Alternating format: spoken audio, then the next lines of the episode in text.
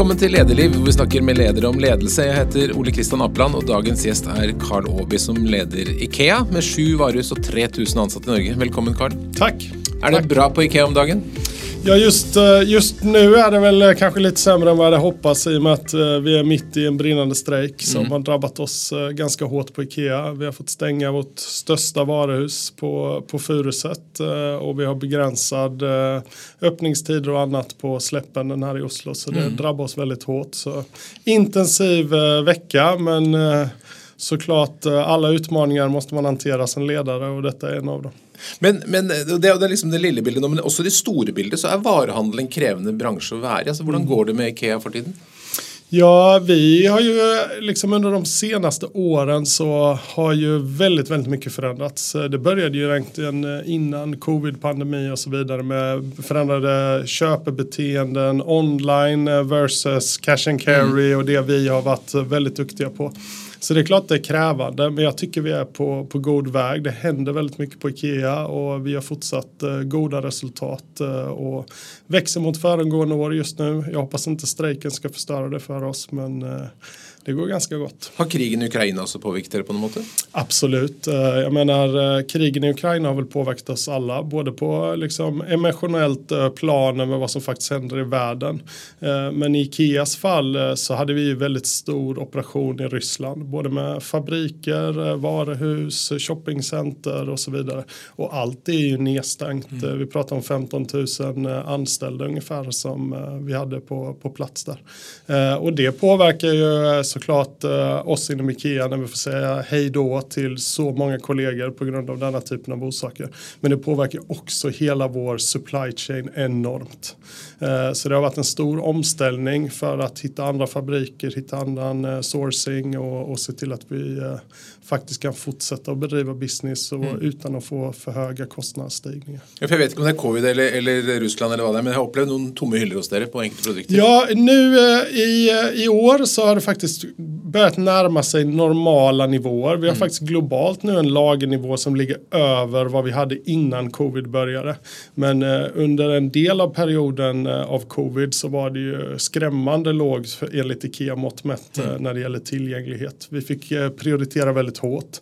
Normalt sett så erbjuder vi eh, Pax-garderober som är en storsäljare globalt i flera olika färger och under eh, en stor del av pandemin kunde vi bara sälja vita för mm. det, liksom, vi får producera något istället för att, ha lite av allt om du förstår vad jag menar. Hur reagerar kunder på det?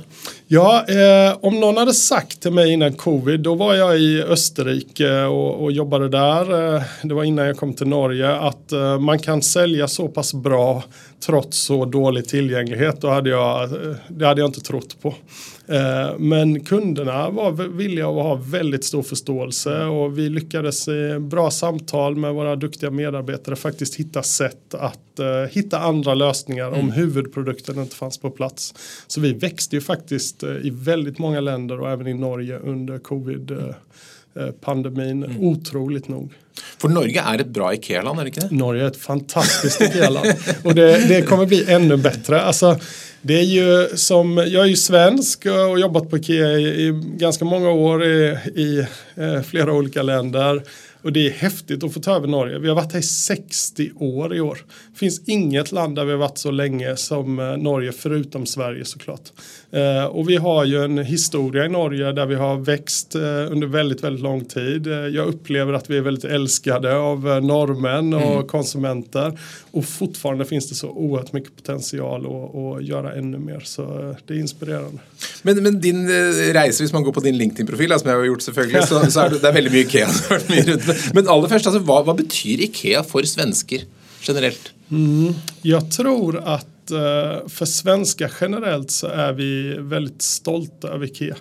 Eh, det är ett varumärke som alla känner gott till. Eh, det är ett varumärke som man ser över hela världen om man är ute och reser. Om man så är på Gran Canaria eller i Spanien eller Egypten eller USA mm. så, så eh, springer man ofta på Ikea och det är många svenskar då som går in för att ta sig köttbullar med potatismos, lingonsylt och, och brunsås eller en, en varmkorv i, i bistron. Och flaggets färger och det är ja, väldigt ja, national. Och, och jag menar Ikea står ju för en eh, Swedishness eh, som vi kallar det. Vi försöker behålla den, den profilen och vårt, eh, vårt ursprung. Så det finns en stor stolthet. Och ibland när man lyssnar på, på eh, hur dialogen ibland kan vara i Sverige om Ikea gör någonting så låter det nästan som Ikea är någon form av eh, statlig myndighet som eh, liksom, eh, man förväntar sig ska eh, handla därefter. Men vi är ju faktiskt ett, ett företag.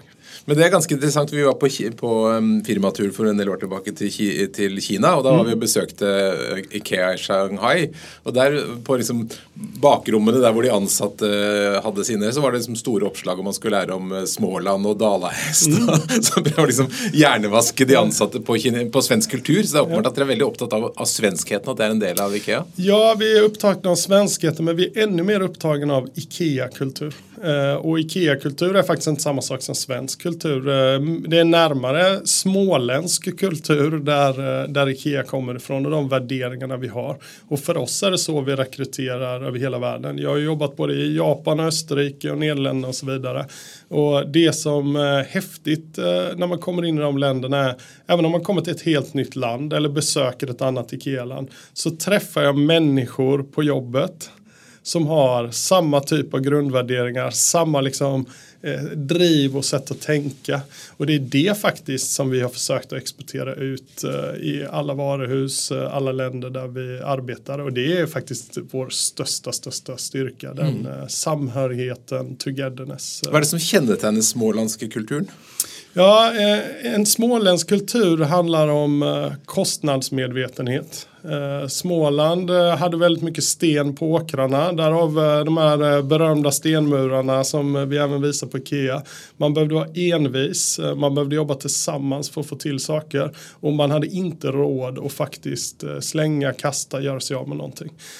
Så det är någonstans där det börjar, småländsk kultur. Mm. Och det är ju Ingvar Kamprad, vår grundare, som liksom, eh, tog in det på Ikea och det är så han har byggt upp Ikea under alla de här åren. Men har det, var det, jag vet om det alltid var liksom en idé från begynnelsen att ta vara på den småländska kulturen och exportera den eller kom det mer efterhvert som ett uttryck? Ja, jag tror att uh, det var så här att uh, jag menar allting började ju i Älmhult uh, i Småland med ett första varuhus och så vidare. Sen gick det vidare därifrån till Stockholm och andra ställen.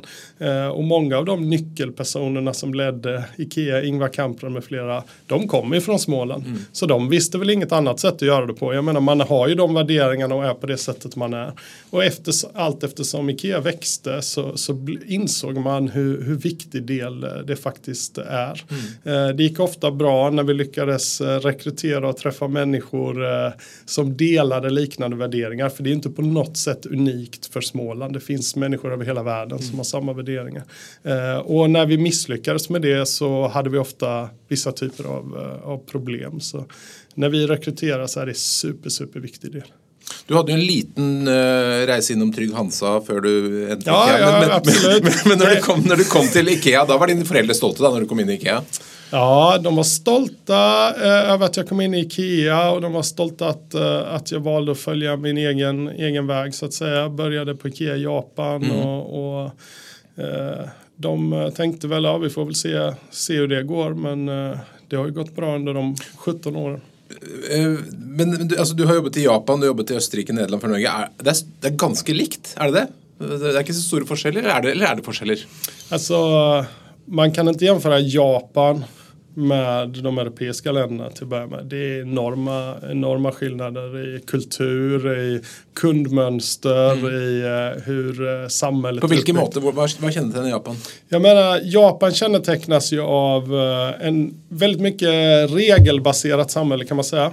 väldigt mycket respekt, väldigt mycket oskrivna regler över hur saker ska vara. De har en helt annan förväntan på en kundupplevelse och kundservice. Jag menar, när Ikea öppnar Japan när jag var där i början så var det ju det var ju kutym och helt vanligt att kassören mer eller mindre skulle följa med dig med påsen till utgången, buga och säga hej då. Och det är inte riktigt det vi är uppbyggda för.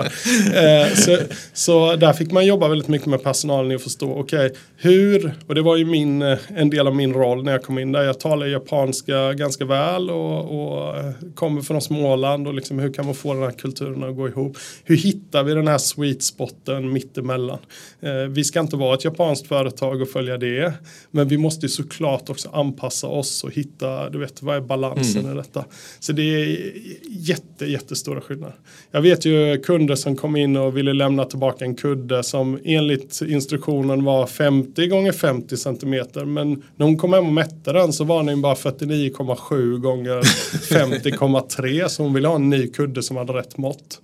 Eh, för dem är det helt, helt, helt vanligt ja. och för oss är det så här, men, men kudden är ju 50 gånger 50. Nej, den är 49,7 gånger 50,3. så det är en helt annan värld om du jämför med Europa i att driva, driva retail. Och men matchar den bra med IKEA? Fungerar IKEA bra i Japan? Ja, det gick väldigt bra i Japan och går eh, bra i Japan. Eh, men det är nog en av de mest krävande marknaderna fortsatt att komma in på. I början var IKEA, jag vet att den första varuhus butikschefen sa att eh, vår största konkurrent just nu är Disneyland som låg fyra tunnelbanestationer bort. För att komma till Ikea var nästan samma sak som att åka till Disneyland för eh, japanerna. Så du vet en helt annan upplevelse. Och det var fascinerande att se vad för produkter de var intresserade av. De här eh, kalas, färgglada plastmuggar som vi har på barnavdelningen. Eh, kanske man säljer på Furuset en pall i veckan eller någonting i den stilen, kanske två. Alltså vi kunde sälja en 16-17 eh, pallar på en förmiddag. För, att, för dem var det en unik produkt som man inte kunde hitta någon annanstans. En enkel plastmuggar, bestick och tallrikar för en sådär 9 kronor paketen. Men är eh, det ett princip att det stort sett ska vara svenskar överallt eh, i alla butikerna? Nej, det finns ingen sån princip överhuvudtaget. Däremot så vill vi så sagt se till att eh, Ikeas typ av ledarskap och Ikeas kultur är över hela Ikea. och öppnar man i ett nytt land som, som Japan, en helt ny marknad, då såklart i början så ser man till att det finns ledare på plats som också kan etablera det. Men det är inte viktigt att de kommer från Sverige. Det var människor från Sverige och från eh, UK och från eh, Tyskland och Spanien och USA, mm. you name it. Men människor med IKEA-erfarenhet, IKEA-ledarskap. Det är det viktigaste. Mm. Det är alltid lite spännande med nationella skillnader. Vad är skillnaden från Japan när du kommer till Österrike? Hur är de? Ja, från Japan flyttade jag till, till Nederländerna. Nederland först, ja. Eh, och om man säger Japan, ja Eh, jag drev ett projekt där när det gällde kök eh, som vi är väldigt stora på i Norge. Jag kan säga att vi var inte stora på det i, i, eh, i Japan. Det är väl en av de svåraste sakerna att faktiskt bygga upp den mm. tilliten och börja sälja kök. Eh, där vi skulle bygga om alla varuhus eh, köksavdelningar. Jag drev det projektet, vi gjorde en lösning med massa inredare och experter och jag var väldigt eh, girad på att det här kommer bli superbra. Mitt team upplevde jag också var väldigt girad på att det blir superbra så implementerade vi första varuhuset. Ungefär en tredjedel av den lösningen vi gjort, den fungerade inte alls. Alltså det, och jag var helt, jag var nästan chockad. Jag förstod inte varför det inte fungerade. Jag började prata med teamet om det. Då kom det fram att alla bara, ja men det visste vi att det inte skulle fungera. Men eh, va? Ingen alltså, har sagt till dig. det är ingen som har sagt nej. nej men du sa ju att du tror att det kommer fungera. Så vilka är vi? Att ifrågasätta dig som vår ledare i, i det. Mm. Eh, och det var ju helt främmande för mig. Att eh, på Ikea och generellt så jag har ju er som team för att ni ska ifrågasätta, för att ni ska komma med idéer. Men de var ett nytt team för mig, kände inte mig så väl, jag kände inte dem så väl. Så vi fick göra om det där en gång till, men den stora lärdomen var ju faktiskt det, okej, okay, jag måste vara extra lyhörd och ställa ännu mer frågor och kanske prata lite mindre och se till att eh, de pratar mer för annars är det risk att det går åt fel håll. När man sen kommer till Nederländerna så, så var det mer eller mindre raka motsatsen. Att, eh, de mente mycket. De, de hade väldigt mycket åsikter i kontrast mot Japan och så tror jag det hade varit i de flesta europeiska länder. att eh, komma med idéer och lösningar så, så var starting pointen att uh, man ville prata om uh, varför det inte skulle fungera och sen ja. till slut så liksom kom man överens om uh, en bra lösning framåt. Så det är enorma kontraster mellan olika, olika länder. Men är det en standard, alltså, det är ju god på standard, är det en standard för hur en god IKEA-ledare ska vara? Ja, vi eh, beskriver ju det genom, eh, liksom har en beskrivning när det gäller leadership capabilities eh, som vi vill, vill se hos våra ledare. Vi mäter det i medarbetarundersökelser mm. mot ledare och generellt varje år för att se till att, att det är på plats. Så det är definitivt kriterier vilka, vilka kvaliteter är viktiga? Eh, leading by example, eh, ett exempel. Eh, du ska walk the talk. Eh, man ska inte ha en standard för sig själv och en annan för medarbetarna. Eh, liksom, eh, det går i stort och smått. Eh, om jag ska åka på affärsresa, vare sig om det är till Älmhult, Köpenhamn eller eh, Shanghai, så flyger jag ekonomiklass det är en del av vår kostnadsmedvetenhet och hur vi jobbar. Om eh, en medarbetare i varuhuset ska flyga från eh, Sörlandet till Oslo så flyger han eh, mm. eller hon ekonomiklass. Så det är också exempel på leading by example. När jag jobbade som varuhuschef så såg jag till att varje dag på morgonen tar jag en runda i varuhuset, pratar med medarbetare. Är det så att vi har problem att fylla upp butiken och bli klara med allt innan öppning då kavlar jag upp ärmarna och ställer mig bredvid eh, logistikmedarbetarna och fyller upp hyllor. Mm. Så det är ett exempel som, eh, som är viktigt för en, eh, för en IKEA-ledare att faktiskt vara genuin och, och, och jobba med på samma villkor som alla andra. Har du en tät tillbakemeldingskultur? Är det mycket dialog med, med, med medarbetarna? Vi har en tät uh, tillbakemeldningskultur och vi försöker vara väldigt approachable. Det är en av de sakerna jag jobbar mm. på. Och det går genom hela IKEA-systemet. Uh, om man säger för två, tre veckor sedan så var jag nere på Sörlandet i två dagar, träffade vår nya varuhuschef där, uh, Petra, pratade om strategin, hur vi kan göra det ännu bättre där nere. Och sen la jag en halv dag på att jobba på golvet tillsammans med två heminredare. Mm. För att faktiskt diskutera hur funkar saker? Vad skulle ni behöva mer av, mindre av? Vad kan vi göra bättre? När min eh, chefschef faktiskt, eh, Tolga som är global operations manager för Ikea, eh, skrev till mig i höstas att Kalle jag vill komma till Norge, träffa dig. Eh, vi eh, behöver ha lite samtal och, och prata om Norge. och sen måste vi lägga minst en halv dag på Furuset med att träffa medarbetare och jobba på golvet. Mm. Så det är någonting som är väldigt, väldigt inbyggt i hur vi jobbar. Och det kommer ju från eh, Ingvar Kamprad. Kamprad åkte aldrig, de gångerna jag träffade honom och fick spendera tid, han åkte aldrig till det vi kallar service office, vårt huvudkontor, utan han åkte till varuhus. Eh, han var helt ointresserad mm. av att sitta och titta med alla oss som sitter med en dator och lägger upp strategier och planer och så vidare. Han ville se verkligheten. Eh, och det genomsyrar fortfarande hur vi tänker och hur vi jobbar. Mm. Att, eh, det är ju där det händer. Det är där kunderna möter hela IKEA-upplevelsen. Också online, i appen och andra kanaler. Men varuhuset är ju liksom hjärtat hjärtat mm. i eh, kundupplevelsen eh, på Ikea. Men du har fått ansvar för Norge. Vad, vad, är, vad är ditt uppdrag? Vad är beställningen? Vad ska du göra med Norge? Norge? ja, vad är mitt, vad är mitt uppdrag? Som jag sa så har vi varit väldigt länge i Norge. Vi har varit här i 60 år. De senaste åren så har vi haft lite sämre marknadsandelar på vissa områden. Vi har inte haft någon stor expansion och så vidare. så mitt uppdrag är att ta Norge till nästa steg och få det att fortsätta växa.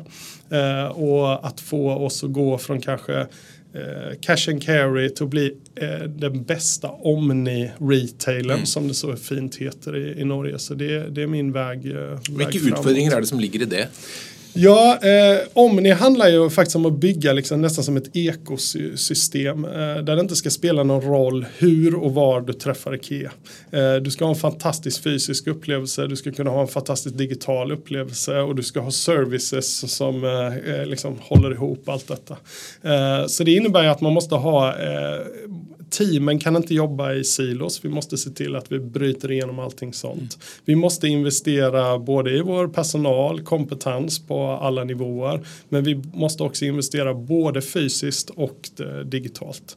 Så eh, ett exempel är att vi håller just nu på att bygga en eh, central distributionscenter för Norge i Västby. En miljardinvestering för oss här i Norge. För att faktiskt kunna få ner våra ledtider. Just nu kommer det från Torsvik utanför Jönköping och det har det väl gjort i en sån här 50 år. Eh, men det är inte gott nog längre. Vi vill att våra kunder i Norge ska kunna få leverans samma dag eller nästa dag. Vi öppnar en eh, paketenhet också i Västby tillsammans med Collicare eh, som faktiskt redan i sommar kommer vi kunna leverera paket i Oslo nästa dag. Och det är idag fyra till sex dagar. Så folk vill inte vänta? Nej, folk vill inte vänta och eh, konkurrensen är så pass hård att vi måste liksom, eh, vi ska vara först på, på bollen och det ska inte styras av att man är en eller två dagar senare på leveranstiderna. Sen håller vi på att penetrera fysiskt på ett annat sätt. Vi har öppnat under senaste året i Arendal en mini-mini enhet och samma sak i Haugesund, Sarpsborg, Påskrund och det kommer desto fler. Så vi försöker hitta nya format och nya sätt att uppleva IKEA. Men eh, man kanske inte får hela handelupplevelsen men du ska få 100% av kompetensen från våra medarbetare i att planera ett kök, en garderob mm. eller få hjälp med vilka kuddar och textiler man ska ha i vardagsrummet. För att så det blir mer en slags köphjälp, inte så mycket varuhus? Ja, precis. Mm. precis. Så det är den agendan vi driver just nu, att bli nummer ett när det gäller omnichannel retailing i, i Norge. Och så vi kan vänta oss en bitteliten Ikea i varje by, är det det som är planen? Ja, kanske inte i var, var by, men vi har valt ut strategiska ställen där vi ser stor potential mm. och den högsta prioriteten där är Oslo. Mm. Så det kommer hända väldigt, väldigt mycket i Oslo under, under kommande, säg ett, två, tre år för att, att få en ny upplevelse av Ikea mm. inne i Oslo. Spännande. Nu har du fått uppleva något som du väl inte har upplevt för strejk. Har du, har du, är det första gången? Det är eh, första gången i denna skalan. Eh, vi har haft några, i olika länder finns det helt olika strejkkultur. Jag menar eh, i Nederländerna hade vi ibland så här mikrostrejker på väldigt små skala. Men denna typen av strejk har jag aldrig upplevt innan. Vilka ledarutmaningar har gett? För mig handlar IKEA om att vi har en togetherness, en samhörighet jag som översteledare överste ledare här i Norge, våra medarbetare i varuhus och så vidare. För mig är den största utmaningen att se till att vi behåller den samhörigheten som vi har innan strejken under strejken och även efter strejken. Så det är en av de sakerna jag har fokuserat på internt i, i min, eh, min kommunikation. För mm. detta är jätteviktigt. Det är inte jag eller Ikea som har en konflikt med, med våra medarbetare som eh, står utan att strejka. Det är LO och NO som har en konflikt. Så mm. Jag gick ut och pratade med lite strejkvakter eh, första dagen. Vi pratade internt och ser till att, eh, att eh, vi håller ihop eh, och efter eh, strejken så ska vi alla jobba tillsammans oavsett om man är connectad till handel och kontor eller, eller inte. Sen är det ju en utmaning i att eh, vi har ju fått stänga Furuset. Eh, så vi förlorar jättemycket mm. pengar just nu. Eh, det är miljonbelopp varje vecka som vi förlorar i intäkter och vi har fortfarande väldigt, väldigt mycket kostnader. Så vi har ju ett antal dilemman att ta tag i och se hur vi kan lösa det. Men med det sagt, så som debatten går kring detta så känner jag inte igen mig mycket av det som beskrivs i, i media vi har inte haft eh, ökningar på våra ledare inom Ikea som är högre än de tariffavsatta under de senaste åren. Eh, och det är medvetet så som vi har jobbat att vi försöker hålla det på en så lik nivå som möjligt. Ja, ja, precis det jag var inne, var inne på, på tidigare eh, Eh, våra ansatta på tariff eh, på grund av lokala förhandlingar som ett eh, hett tema har 3 högre lön än motsvarigheten i, genomsnitt för av andra handel och kontoranställda. De för Fällesförbundet har mer än 5% Så för mig är det svårt att känna igen mig i den här bilden för jag tycker inte det är verkligheten och den relationen vi har med våra fackligt anslutna. Samtidigt är vi en av de som är hårdast drabbade av att ha mer än 600 medarbetare uttagna i strejk. Mm. Så det är verkligen beklagligt och utmaningar eh, både businessmässigt men även att se till att vi väl en ganska viktig period för också. Det sker mycket på, i ditt tusenhem. Ja, det är en superviktig period eh, och det är ju ett tufft eh, år. Varje år har ju varit tufft ganska länge nu. Mm. Det är inflation, vi har enorma kostnadsökningar. Vi eh, behöver jobba med vår prissättning. Vi har fått höja priser i vissa fall, vilket är det absolut värsta jag vet. Eh, och samtidigt då få denna utmaning som ger ännu större kostnadsutmaningar och intäktsutmaningar gör ju att vi måste kanske se över i hur investerar vi och vad kanske vi måste mm. prioritera framöver. Men, men det kommer massa utmaningar på dig som mm. ledare. Hur virker det på dig? Blir du frustrerad eller syns det är spännande? Eller hur upplever du att få möta barriärer? Jag skulle säga att det är en blandning. Eh, som ledare så ser jag utmaningen och eh, det ger ju också en energi eh, i att okej okay, nu ska vi ta tag i det här och vi ska göra det absolut bästa av det. Ofta i sådana här kristider, jag upplevde även det under covid-pandemin, då blir vi i vissa områden ännu bättre än vad vi var innan. För vi måste hitta nya lösningar i, i hur vi kan göra saker. Så det finns ju också någonting där som, som ledare ger energi. Men samtidigt blir jag frustrerad att uh, okej, okay, är det verkligen nödvändigt med en strejk i detta läget? Uh, mm. När uh, i alla fall enligt de här starka läckorna när det ligger så pass höga siffror på, på bordet som faktiskt innebär eh, reallönsväxt i alla mm. fall för de allra, allra flesta. Eh, och när man har tagit ansvar som ledare i lokala förhandlingar eh, tidigare så, så känns det hårt att bli drabbad eh, så pass hårt mm. Eh, i en strid som jag inte upplever reflekterar vår situation. Mm. Men en, en, ting som du må da ta stilling til i den store miksen av oppgaver, er jo dette med markedsføring og kommunikasjon. Dere, altså, Ikea-katalogen var jo en klassiker som vi kjenner, men, men hvordan ser liksom markedsmiksen deres ut i dag, og hvordan skal dere trekke folk til butikkene? Mm.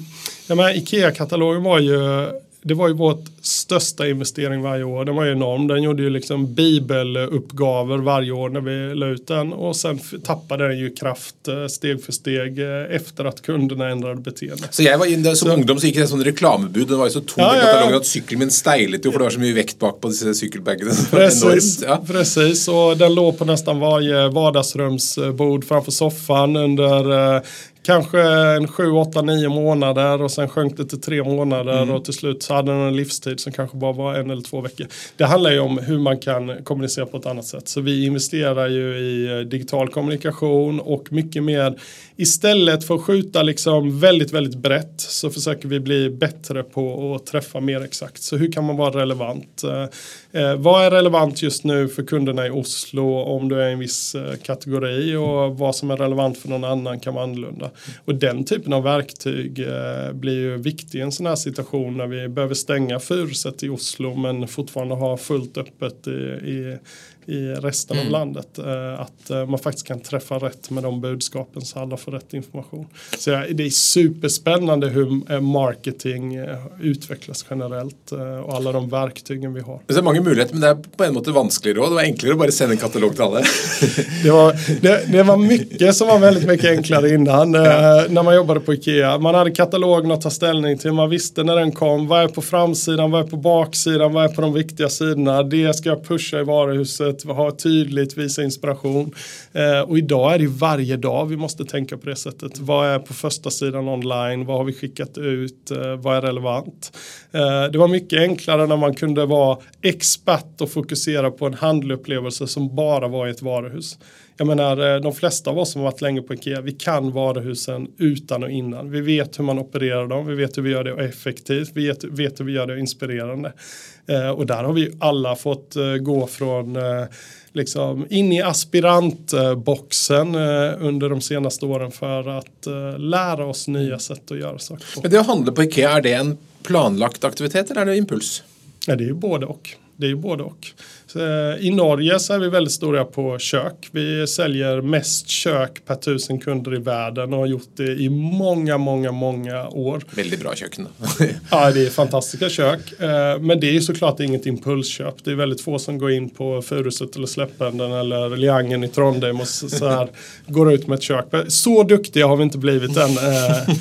Eh, men en stor del av vårt sortiment är ju också impulsbaserat. Därav de här att kunna få leverans samma dag eller nästa dag. Även om du är inne i vår app eller om det är online är ju jätte, jätteviktigt. Så det är, det är en mix mellan planerade köp och eh, planned visits mm. och eh, spontana. Och de här små enheterna och mindre enheter och andra typer av enheter är en väldigt viktig del att eh, bygga också, upp också det spontana på ett nytt sätt. Men du, du nevnte Disneyland i Japan. Altså, mm. noen, no, jeg vet Noen hater å gå på Ikea, men du har vel også en del som elsker det og syns det er en fantastisk sted å være? De flesta älskar att gå på Ikea. Det är i alla fall min bild. Ja. eh, om man tittar på vårt, eh, på vårt eh, resultat. Sen vet jag att det är människor som eh, inte tycker det är kul att gå i ett Ikea-varuhus. Tycker det är för stort och tar för lång tid. Och så finns det myten om att vi har köer. Jag har inte sett några köer sedan jag kom till Norge. Jag tror det är mye å si når man går. Hvis man går på ett gott tidspunkt så är det inte Ja, problem. det är faktiskt inte bara det. Mm. För förr i tiden hade vi bara traditionella kasser. Idag kan du scanna i appen och bara gå rakt ut. Eh, du vet, du scannar mm. en QR-kod som du har gjort själv och, och går rakt ut. Vi har självskanningskasser och helt annan eh, upplevelse än vad det bara var för en eh, 6-7 år sedan när det gäller det. Så det lever också kvar vissa sådana myter. Men för mig spelar det ingen roll om du åker till varuhus eller om du handlar på nät eller om du handlar genom vår app eller liksom genom våra eh, kampanjer och inspirationsevent vi kör på Instagram och annat.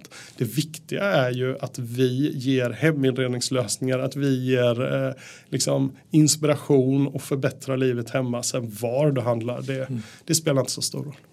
Du er ikke bare sjef, du er også sjef for bærekraft, som jo er uh, viktig. Og, og, Vi har sett reklame den siste tiden med gamle Ikea-møbler som får leve lenge osv. Men, men det er vel et dilemma dette med hele tiden skulle pushe nye varer samtidig som forbruk er vårt største klimaproblem?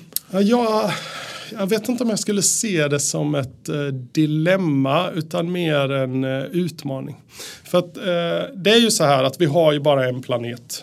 Det är ju ingen som kan, kan säga något annat. Om vi går faktabaserat mot målen som är uppsatta för en och en halv grad, FNs klimatmål, det är ju inte en ambition det är ju ett mål, alltså det är ett måste om mm. vi ska hålla eh, liksom livet på jorden eh, utan större katastrofer framöver. Så vi har tagit det som en utmaning på Ikea. Eh, 100% av vårt sortiment innan 2030 ska vara gjort av förnybara material eller av å, eh, vad ska man säga, eh, återbrukta eh, mm. material så att det blir 100% cirkulärt. Och vi ligger någonstans mellan 60 och 70% redan nu. Men vi måste till 100. Vi investerar i tekniker, företag och så vidare för att faktiskt få till detta. För jag är helt övertygad i framtiden så kommer inte konsumenter handla av ett företag om du inte både är trovärdig och faktiskt lever upp till att ta ansvar för eh, planeten. Så det handlar både om eh, överlevnad för företaget men det är också rätt sak att göra. Eh, så då i Norge har vi satsat rätt så mycket på detta. Vi har våra genbruksbutiker. De hette väl innan, ja, vad kallade vi dem på norsk? Eh, när eh, lilla hörnan i slutet på där man liksom kunde... Billigkroken. Billigkroken, tack. Ja, ja. Det är bra. Det, det ser jag att du har varit på Ikea också. Ja, uh, Billigkroken uh, och genbruksbutiker. Mm. Så vi köper ju faktiskt tillbaka använda Ikea-möbler av våra kunder. men vi ser att vi får inte tillräckligt mycket möbler tillbaka. Så vi har ju öppnat i Oslo på Haraldsrud där vi faktiskt samlar in, in Ikea-varor som skulle gått till förbränning eller länge. Mycket av de möblerna, sju av tio, kan vi nästan sälja direkt i genbruksbutiken. Vissa av dem, 10% ungefär, är inte ens öppnade. Och det här är ju ett jätte, jätteproblem. Eh, och det är ett problem för oss men det är ännu mer ett problem för samhället. Att hur kan vi ändra den här kulturen i vad är okej okay att slänga och vad är inte okej okay att slänga och hur kan man faktiskt få till det. Så vi investerar ganska mycket i att få detta på plats och lyckligtvis har piloten på Haraldsrud fallit väl ut så detta rullar vi nu ut i hela landet. Under tio veckor eh, så tror jag vi samlade in eh, i storleksordningen liksom 10 till 20 ton saker som vi har sålt som annars skulle blivit bränt. Eh, och det är rätt skrämmande när du tänker på det. Så jag hoppas fler företag eh, börjar titta på de typerna av möjligheterna för, för det går absolut. Men är detta något som bara är sån överordnat på, på bedriftsnivå eller följer du också att det betyder något i marknaden att kunderna ser på det? Det betyder absolut någonting eh, på marknaden. Eh, ännu mer bland de eh, yngre generationerna. Lyckligtvis skulle jag säga. Våra barn och ungdomar och unga vuxna är mycket mer medvetna om denna problematiken. Mycket, mycket mer kompetenta än många av oss i den äldre generationen. Så de tar också val därefter. Sen vet jag att man kan se Ikea som ett gigantiskt företag som inte är 100% lokal och så vidare. Men det är också vår styrka. När vi gör någonting och får det att och, och liksom ta av och bli volym, då har det enormt stor impact och där har vi tagit ansvar ganska många gånger. Vi gick från eh, traditionella glödlampor till sparlampor och sen gick vi från sparlampor till LED-lampor för, jag kommer ihåg vi sålde dem för en euro i Nederländerna för vad kan det vara, sju, åtta år sedan eh, eh och tog bort det andra sortimentet helt och hållet först av alla. Det ställde om en hel kedja globalt när det gäller att tillverka LED-lampor. För helt plötsligt blir det jättevolymer.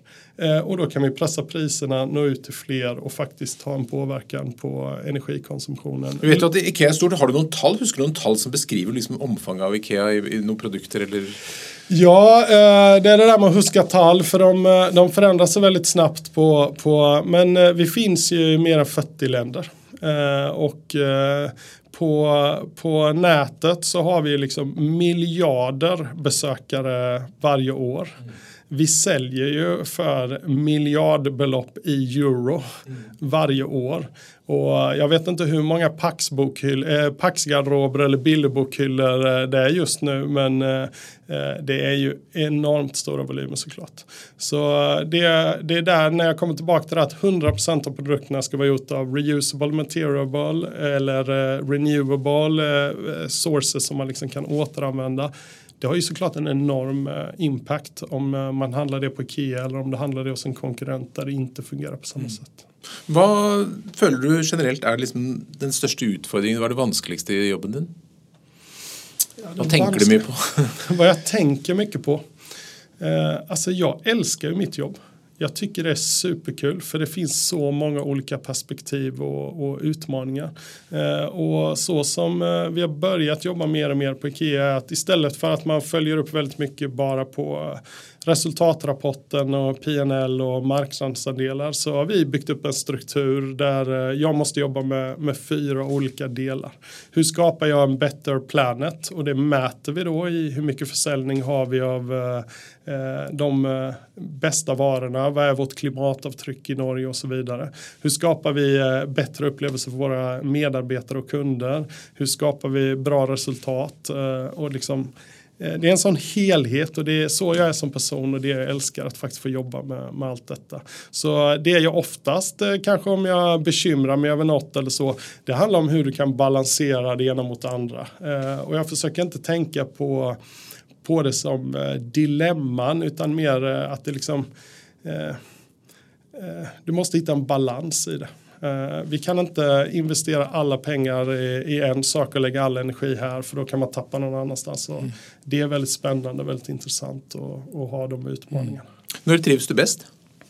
Jag trivs uh, bäst uh, när jag har många människor runt mig på jobbet och när vi pratar om vad vi har gjort och vad vi har lyckats med.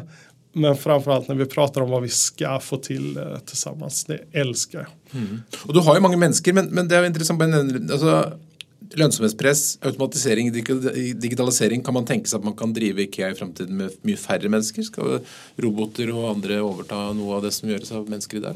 Ja, eh, så är det ju såklart att automatisering händer. Jag menar vårt lager i Vestby Västby som vi bygger eh, har väldigt mycket automatiseringslösningar men det är fortfarande runt 200 människor beräknat som ska jobba där. Det kanske är andra typer av kompetenser snarare än att det inte ska finnas människor som gör det. Eh, I eh, Furuset om vi tar det som exempel. Världens fjärde största IKEA-varuhus när det gäller omsättning i Norge. Det är, det är helt otroligt. Det är många som inte vet det. Uh, att uh, Furuset är så enormt stort i IKEA-världen. Om du hade gått in där för en 7-8 år sedan uh, på en lördag så hade vi kanske 30-35 kassor med 30-35 kassamedarbetare. Om du går in där på en lördag nu så gör vi väl det med 4-6 kassamedarbetare. Så det finns ju fortfarande det. Frågan är ju vad som har hänt med de andra. Saken är att vi har inte färre anställda i Furuset, men vi har människor som jobbar med andra saker. Vi erbjuder heminredningstips och planering online. Eh, vi eh, jobbar med chatt på ett helt annat sätt. Vi erbjuder andra typer av eh, kundupplevelser. Så för mig, det vi behöver investera i är ju hur kan vi fortsätta kompetensutveckla vår personal, skifta från ett arbete till ett annat men fortfarande ge, ge värde till kunden på nya sätt. Mm.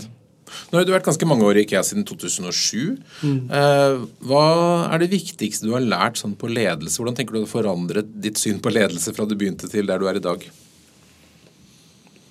Ja, väldigt uh, en bra, bra fråga. Eh, jag tror att eh, när jag började på Ikea eh, som eh, shopkeeper på köksavdelningen i Kobe i Japan som var mitt första riktiga, riktiga jobb på Ikea så hade jag eh, långt ifrån samma helikoptersyn på vad det är vi gör på Ikea eh, och vad eh, liksom, som faktiskt eh, spelar roll.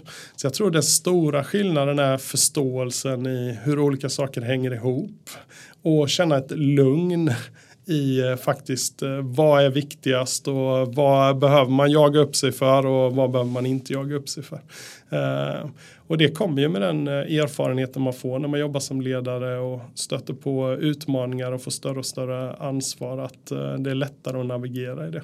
Jag menar om vi hade slut på Eh, ett, eh, den toppsäljande matbord och stolarna på en eh, lördag när det var fullt med folk i varuhuset så var det ju, det var ju panik liksom. och man började prata med sina medarbetare, hur fasen har vi, vad har vi gjort bort oss för någonstans, hur ska vi fixa detta? Medan idag så kan man se det på ett helt annat sätt och tänka lite mer långsiktigt. Du har fått mer ro? Mera ro, absolut, absolut. Jag vet en chef till mig, eh, eh han som var varuhuschef i KB eh, på den tiden, Martin Brash, när jag jobbade där som shopkeeper för den här eh, köks och, och matbordsavdelningen. Eh, han eh, sa till mig en dag, Kalle glöm inte att eh, vi är bara en möbelbutik. det var väl hans sätt att säga att uh, det finns uh, många saker som är viktiga i livet. Uh, inte bara köksavdelningen i, på Ikea i, i KB. Liksom. det måste finnas något mer. Men du har ju haft en, en fantastisk resa både i, fysisk överfört förstånd här. Men, men är Ikea ett bra ställe för unga människor som vill utveckla sig som ledare? Det hoppas och tror jag att det är och det är, väldigt, det är väldigt, väldigt viktigt för oss att skapa det. Vi har väldigt många som har väldigt långa karriärer inom Ikea, både på medarbetarnivå och ledarnivå. Eh, och det är för att vi försöker investera och utbilda och utveckla människor redan från starten. Och jag är väl ett gott, eh, gott eh, exempel eh, på det som gick från direkt från universitetet till att jobba på golvet på Ikea och sen har gjort en resa därifrån därifrån. Det spelar inte så stor roll för oss eh, om du har eh, magisterexamen i detta eller detta och så vidare. Det är inte det vi går på. Vi går på vad det du för värderingar och vad det du för capabilities och vad har du för faktiskt eh, kompetens i verkligheten. Sen om du har tillskansat dig den eh, kompetensen genom att börja i eh, kassan på släppenden eller suttit i skolbänken på universitetet i slutändan spelar inte det så stor roll. Så vi vill se människan och det bästa sättet att forma och utveckla människor det är ju att starta tidigt eh, med dem eh, direkt när de eh, kommer in på jobbet och det tror jag många, många företag ser samma sak. Mm. Till slut, om det kommer en ung person till dig som har börjat på Ikea och säger jag ska bli chef, stor chef som dig, vad är de tre viktigaste ledarråden du vill? Mm. Det viktigaste ledarråden jag skulle ge först och främst fokusera på hur du leder dig själv.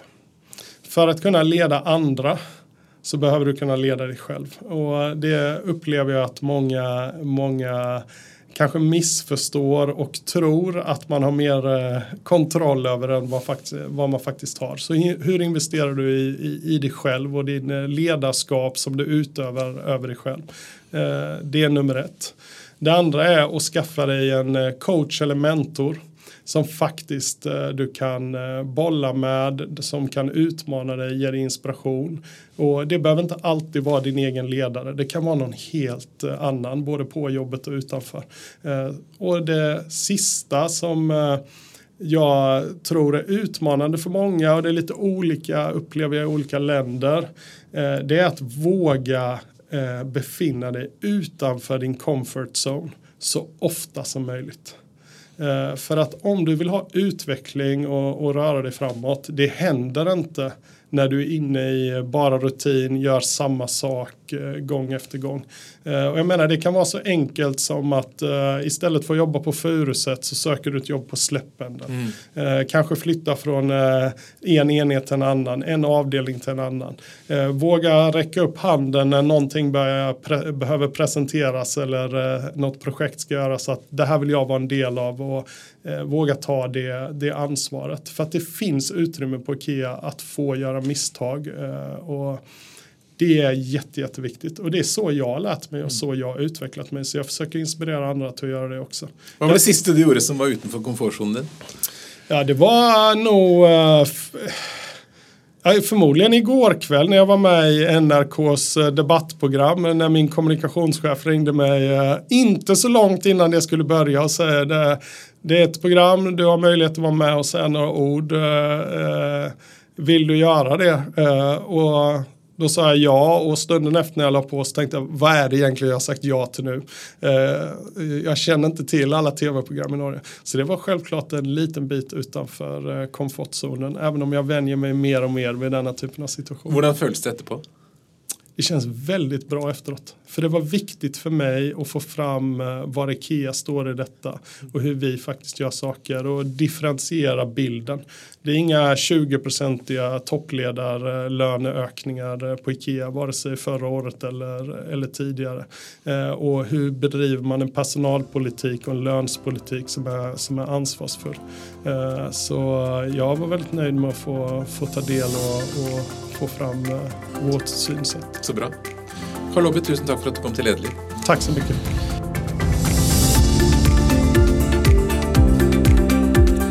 Tack för att du lyssnade på Lederliv, som är en podcast från Apeland. Redaktionen består av Ingrid Hogneland, Johanna Eidsvoll, Lars Jarle Melum och mig som heter Ole Kristian Apeland. Och vi är väldigt tacksamma för ros, ris, tips om ledare eller vad du måtte önska till e-post ole.apeland.no.